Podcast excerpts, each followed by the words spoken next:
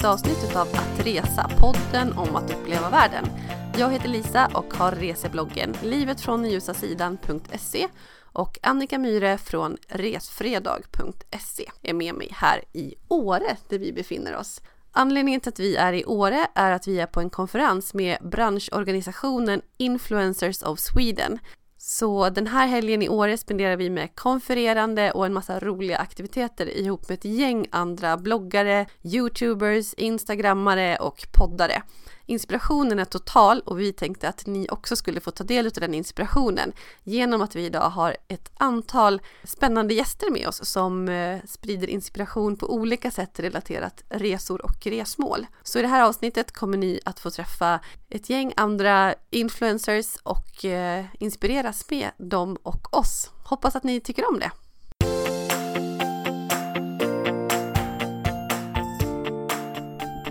Idag har vi med oss från Åre en av våra största inspiratörer här på Att Resa-podden. En fantastisk tjej som heter Jonna Jinton. Och vi pratade faktiskt om Jonna i ett av allra våra första avsnitt av Att Resa-podden. I samband med att vi pratade om tjejer eller ungdomar som ska ut och upptäcka världen och se allting som finns efter gymnasiet. I motsats till dem så reste Jonna från Göteborg i 20-årsåldern upp till grundkärn 100 mil norrut för att starta ett helt annat liv.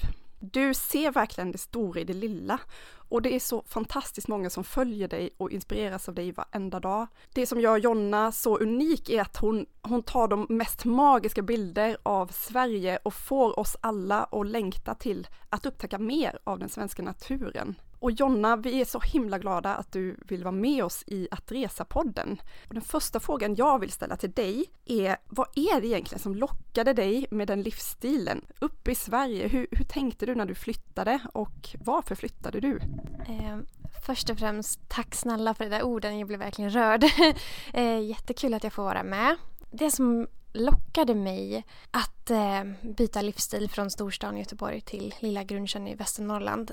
Men det var någonting som hade växt fram sedan jag var väldigt liten. Alltså jag hade ju känt på det där eh, på somrarna. Då var, hade vi ju sommarstuga där uppe. Och eh, det lugnet och den friheten jag kände redan när jag var tre fyra år och fick springa barfota på ängarna, det satte sig så starkt i min själ på något sätt. Det präglade mig för resten av livet på något sätt.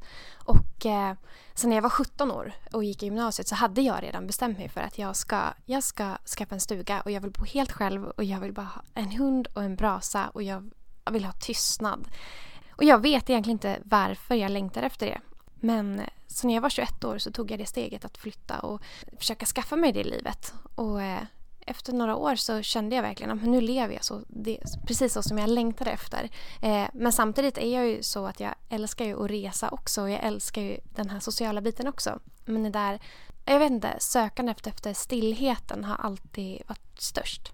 Men vad är det som är bäst egentligen med att bo så här i en liten by mitt i skog och natur? Vad är det som vad är det som är så bra med det och finns det egentligen några nackdelar med att bo så själv mitt ute i skogen?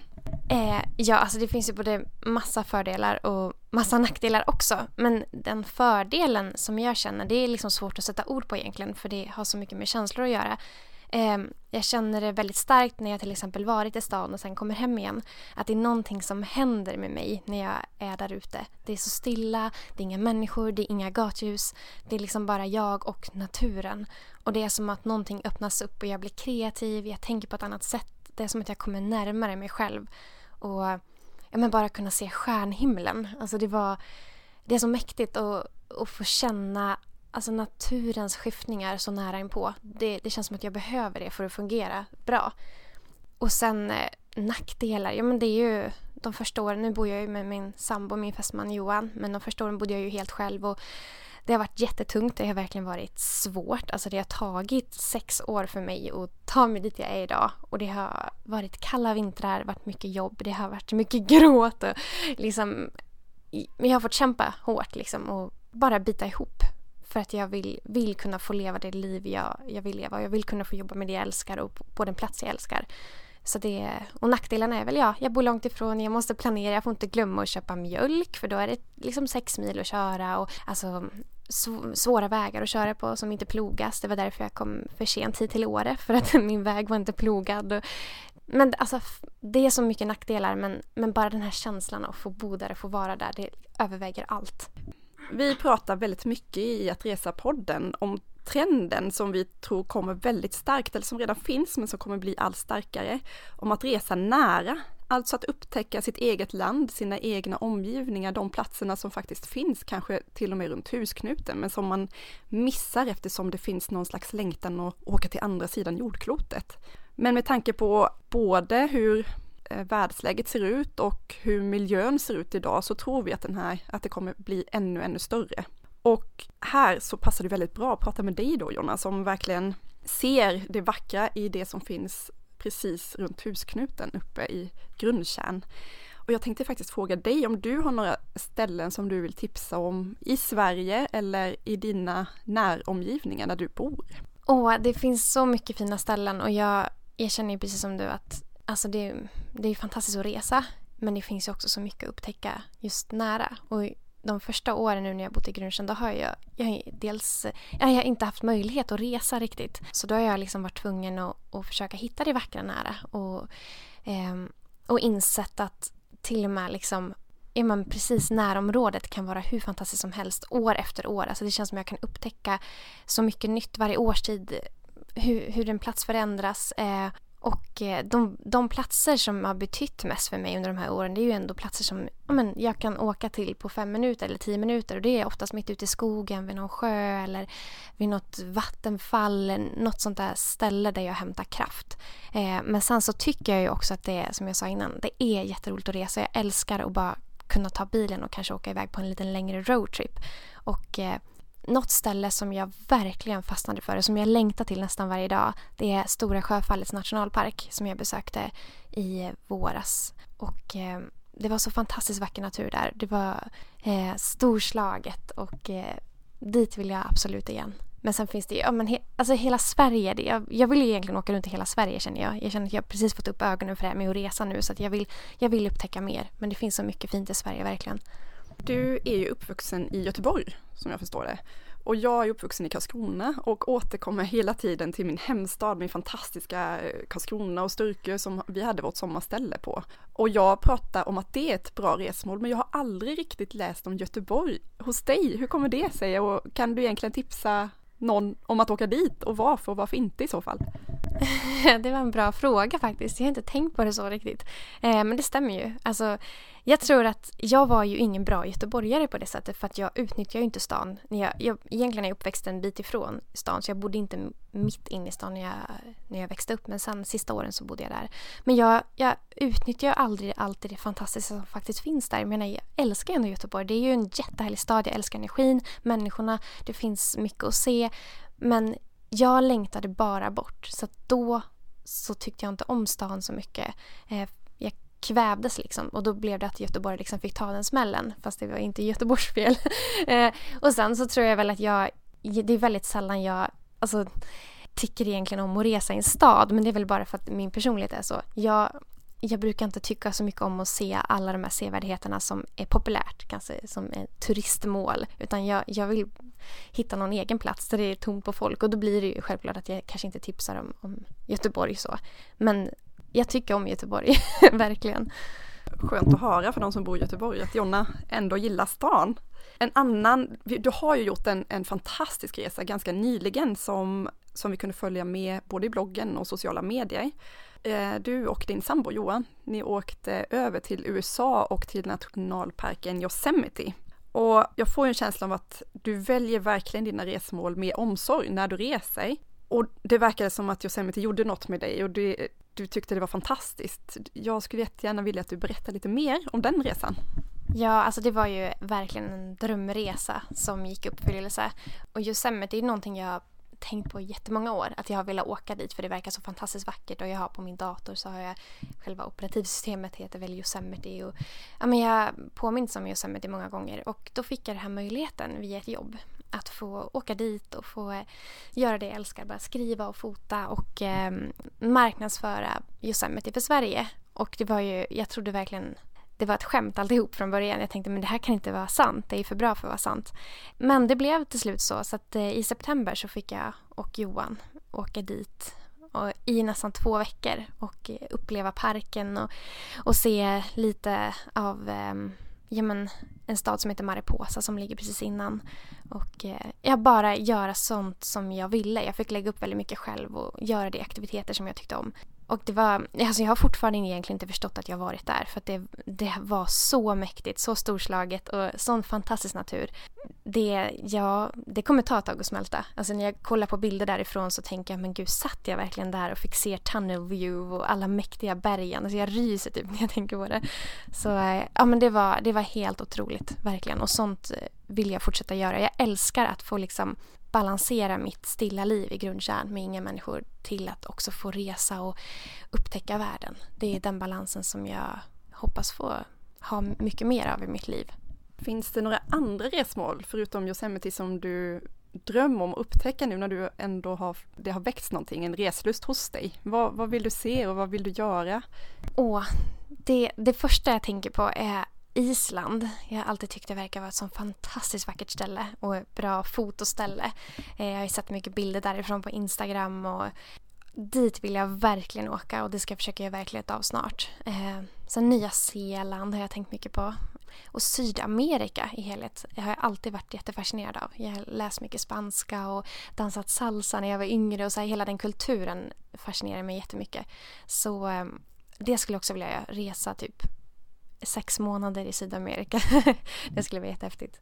Så det är natur som, som lockar dig uppenbarligen. Jag hoppas och jag tror och jag, nej, jag tror jag vet faktiskt att du kommer komma iväg på de här fantastiska resorna.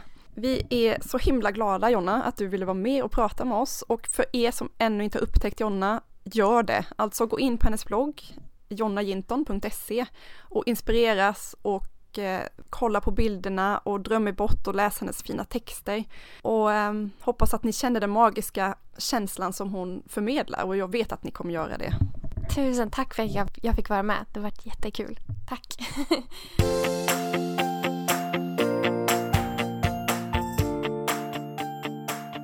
Jennifer Sandström är en eh, bloggare som har bott väldigt mycket utomlands och eh, det är också bakgrunden till hennes bloggnamn Forever Abroad. Jennifer hittar man på jennifersandström.se. Jennifer, du är uppvuxen i Gällivare, du bor just nu i Helsingfors, du har pluggat i Kanada och på Nya Zeeland, du har jobbat i Indien och Tyskland. Alltså det här är ju lite speciellt att eh, röra sig så mycket och landa på så många olika ställen. Så vi tycker att det skulle vara jätteintressant att höra dig berätta lite mer om utmaningar och fördelar med att bo utomlands. Lite grann om dina erfarenheter och ja. Ja, hej. Det är jätteroligt att få vara med i Att resa-podden för det första. Um, ja, och sen som du säger, jag har egentligen alltid längtat bort från, jag vet inte, ja, men så länge jag kan minnas, växte upp i Gällivare och redan som ung tonåring så började jag längta söderut. Jag hade insett att det fanns en värld bortom Gällivares gränser och jag ville utforska den. Eh, så det började som en dröm om att få flytta till Göteborg. Eh, det blev aldrig verklighet men jag kom in på eh, högskola istället i Jönköping och dit flyttade jag då när jag var 18 och hade gått ut gymnasiet. Anledningen till att jag sökte in på programmet där var att det erbjöds två utlandsterminer. Och där kände jag, ja, jag kan plugga vad som helst. Om jag får åka utomlands två terminer så, så kan det inte bli annat än bra. Eh, så det lockade mig och flyttade till Jönköping och sen då 2012 så fick jag åka iväg till Kanada på första utlandsterminen. Så var ett halvår där, eh, åkte sen vidare till Nya Zeeland och kom hem efter ett halvår, gjorde klart skolan.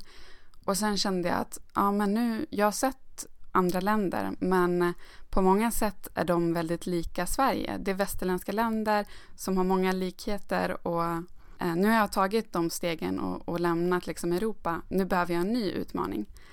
Och då kom det ett jobberbjudande från Indien som jag tänkte, eh, varför inte? Um, så då drog jag dit um, och Indien är i sig ett väldigt utmanande land. Eh, så där blev jag bara också ett halvår innan jag drog vidare och längtade hem till Europa. Och det var så jag hamnade i Tyskland. För att senare bli kär i en finsk kille Och eh, som det slutade med att jag eh, då följde med honom till Helsingfors, där jag nu befinner mig idag.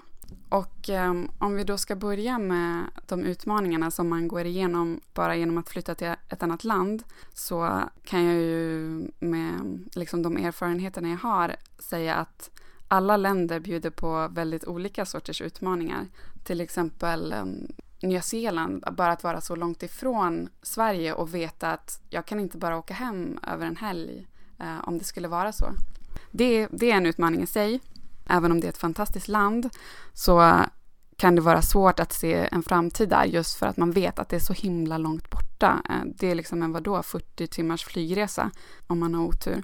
Sen var det då liksom att bo i Tyskland, bara att hantera Tysklands byråkrati. Eh, det är ett land som ändå ligger hyfsat nära Sverige, men ändå som är en utmaning att bo i. Och i Indien då, liksom det uppenbara hur begränsad jag är som kvinna i det landet.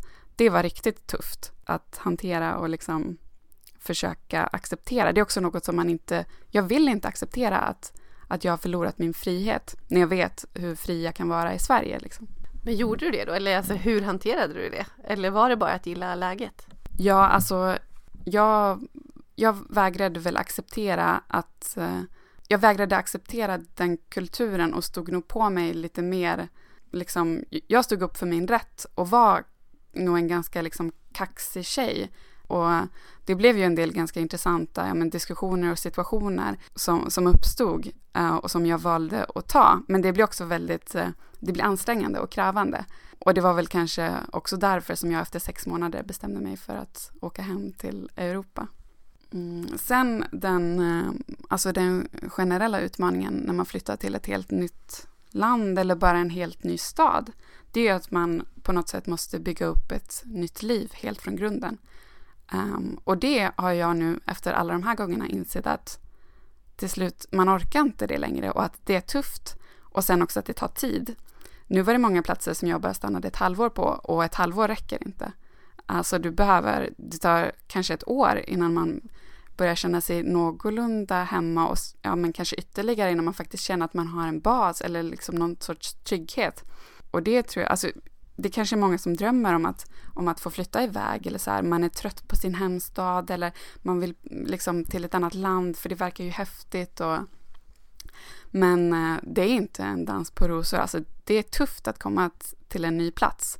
Um, särskilt om man liksom inte har något kontaktnät eller känner folk och man ska bygga liksom, nya relationer, träffa vänner, skaffa kompisar och uh, samtidigt lära sig det här, allt det nya som finns i landet. Och, och man är borta från all trygghet som man lämnar i Sverige. Ja, sen är ju också en uppenbar eh, utmaning liksom språket i många fall och det för mig har det varit tuffast nu när jag flyttade till Finland. Eh, där är det den största utmaningen att det är ett språk som jag inte eh, förstår och liksom, ja men, ja men det är en utmaning i sig. Ja, det låter ju klart utmanande. Det finns ju verkligen negativa saker med att flytta utomlands. Men man gör ju det också för att man drivs av någonting. Och vilka är fördelarna? Vad har varit bäst eller härligast och så med att faktiskt göra sådana här utlandssessioner och just nu på obestämd framtid? Ja, man, man kan ju fråga sig själv ibland att varför sjutton gör jag det här? Varför flyttar jag till ännu ett nytt land när man vet att det stundtals är väldigt jobbigt? Och det är ju för att det finns några Alltså dels finns den här längtan i mig att jag vill upptäcka och jag vill lära mig mer om, om världen och andra kulturer. Um, och just som när man flyttar till ett land, det är en, um, en möjlighet att få komma landet riktigt nära på ett sätt som du inte, som du kan nog, men det är svårt att göra det som turist. För det tar tid och bara så här att lära känna liksom locals och, och komma, inte bara landet, men också liksom befolkningen nära och gå igenom så här, vad är det för högtider, vad har man för traditioner, så här små saker som, som tar liksom tid att upptäcka och som kommer allt eftersom. Det är väl det jag tycker är så underbart med att bo utomlands och också bara att bo i ett land som Finland som man kanske inte tycker verkar så spännande och som bara är ett grannland till Sverige och som pratar ett konstigt språk och som också är ganska lika Sverige i mångt och mycket men finns så många liksom skillnader som är intressanta att upptäcka varje dag. Och det är väl det som driver mig och som jag tycker gör det helt värt och därför skulle jag rekommendera alla att liksom, om du har en tanke och vill eller en möjlighet att flytta någon annanstans, ny stad eller ny, nytt land, så gör det.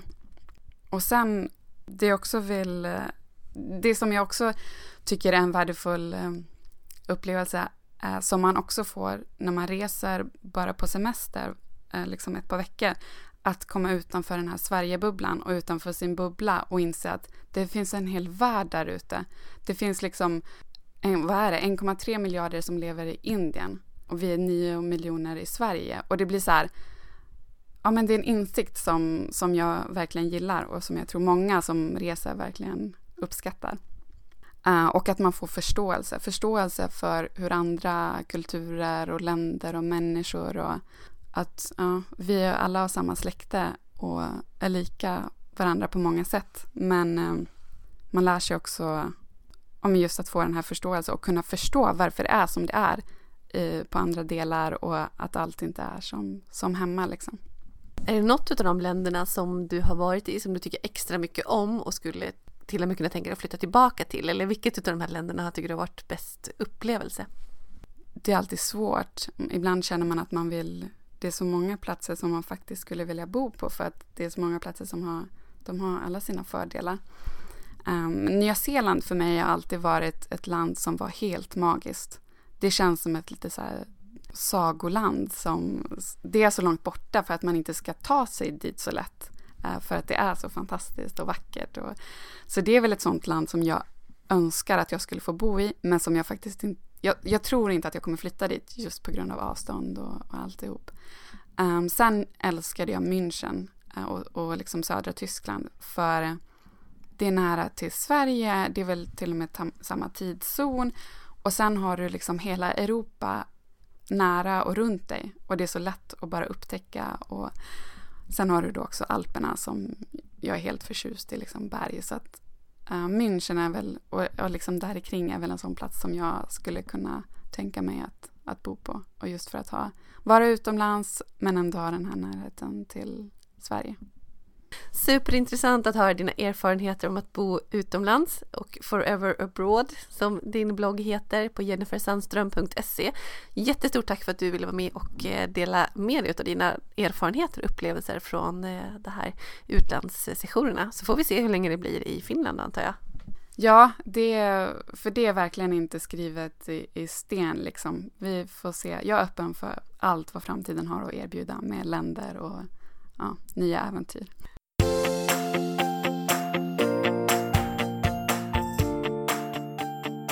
Nästa resebloggare som vi har med oss här i Att Resa-podden är Katarina Wollfart som har en blogg, en reseblogg med väldigt starkt fotofokus.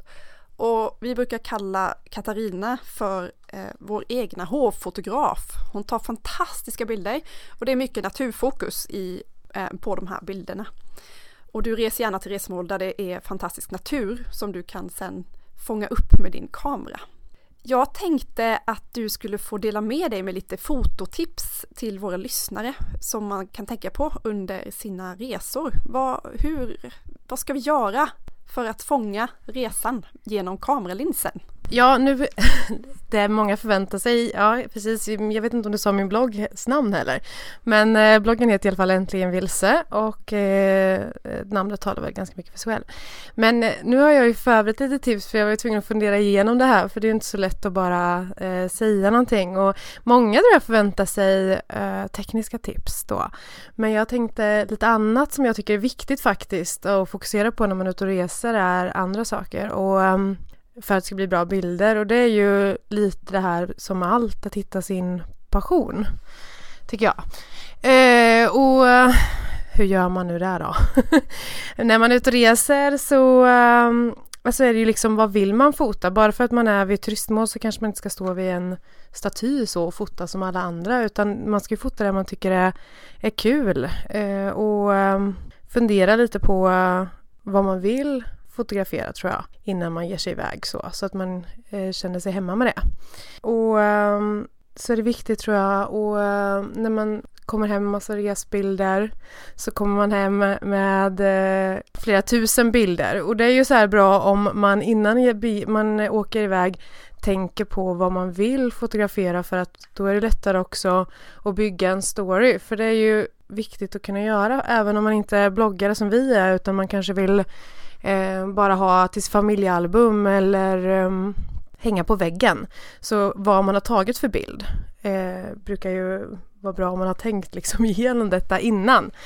Så det hänger ihop att passion och vad man gillar och vad man vill fota och sådär. Och saknar man inspiration så kan man alltid kolla Instagram eller Pinterest och sådana ställen och liksom vad är det jag gillar egentligen? Och helt iskallt kopiera det första gångerna tills man blir lite varm i kläderna. Eh, det tror jag vi alla har gjort ganska mycket. Och har man problem som det här tips nummer två, att tänka liksom bilderna som en story man ska ha på väggen eller i ett familjealbum eller om man är bloggare då så kan man ju bara sätta sig ner och ta det lugnt på en strand och bara lyssna in och titta vad finns det omkring en och rätt som det är så börjar man ju se olika saker som en krabba, vågorna på havet, barn som leker och springer och skrattar, känslor, palmblad eller vad det nu är för träd som vajar i vinden och sen börja fota det man ser omkring sig. För det är så himla mycket härligare att ha en, en staty återigen som jag bara tar som klassiskt exempel eller en selfie vid Eiffeltornet. Man klart man ska ta selfien också men allt det andra är ju det som bygger storyn. Så äh, ja, tänka igenom lite och sätta sig ner och titta på omgivningen är sådana bra.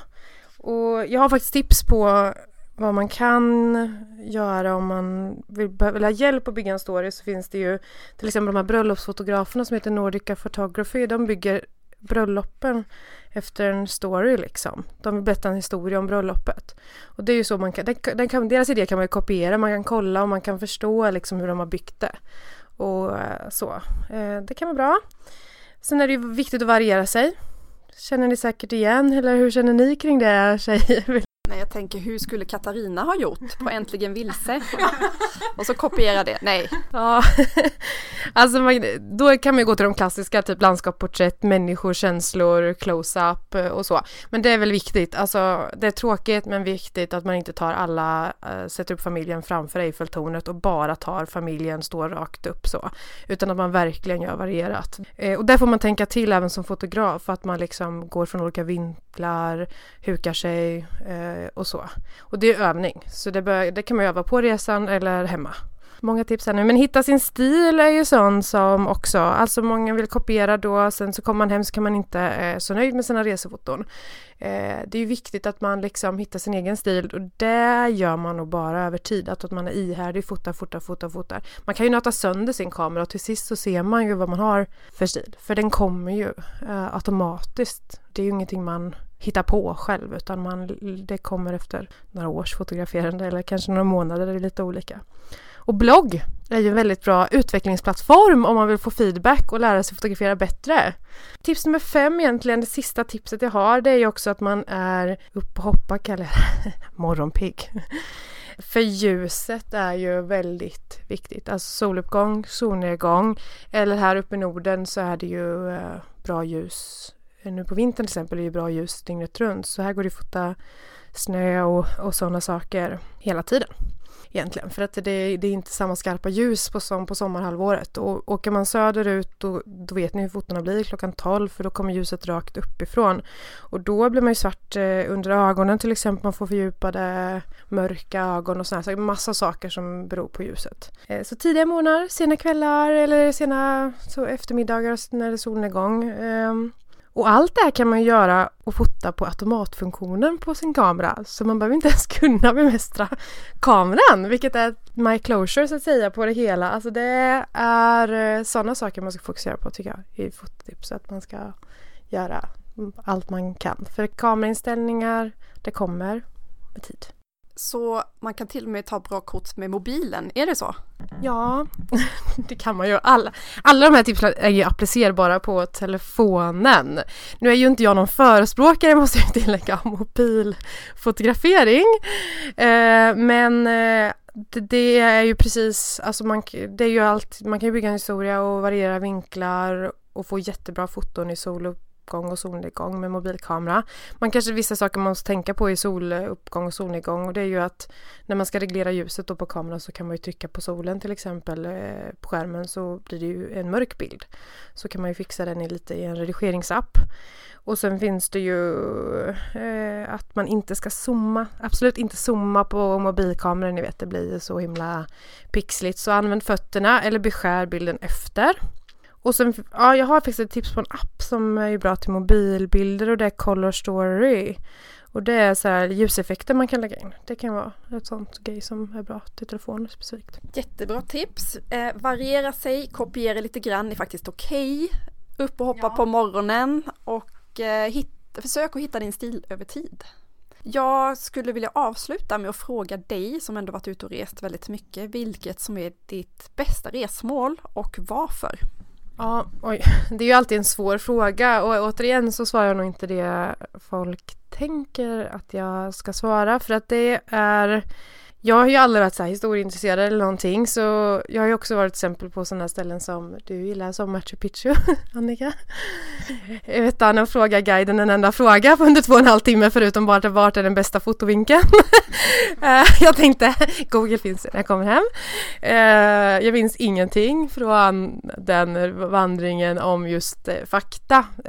Det är ju sådana saker som gör att jag kanske, alltså en skog i Sverige är ju lika fascinerande för mig som tempo tempel eller en stad i Peru liksom från ancient times. Men eh, jag, nu senast i höstas så var det, det varierar över tid och Färöarna skulle jag säga är mitt favorit och det är nog av det enkla på grund av att jag hade varit på Grönland och Island före och var helt slutkörd när jag kom till Färöarna så slappnade jag av. Och då fick jag två dagar utan måsten liksom, för annars planerar man upp sina fotogrejer, man ska fotografera, man blir sur när man missar en soluppgång och en solnedgång va? Och, och, när man man är väldigt inne i det dag nummer sex så här, då blir det nästan värre än vad det var i början. Och sen då fick jag slappna av och göra annat och då så blev ju det den bästa upplevelsen min bästa upplevelse beror nog mer på min dagsform än om jag är på jordens coolaste plats. Liksom.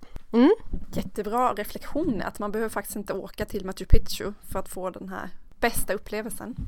Jag tycker absolut att ni ska spana in Katarina Wolfarts blogg som alltså heter Äntligen vilse och också tycker jag att ni ska kolla på hennes Instagramkonto som är fantastiskt och ni hittar henne också där under Äntligen vilse. Tack Katarina för att du kom!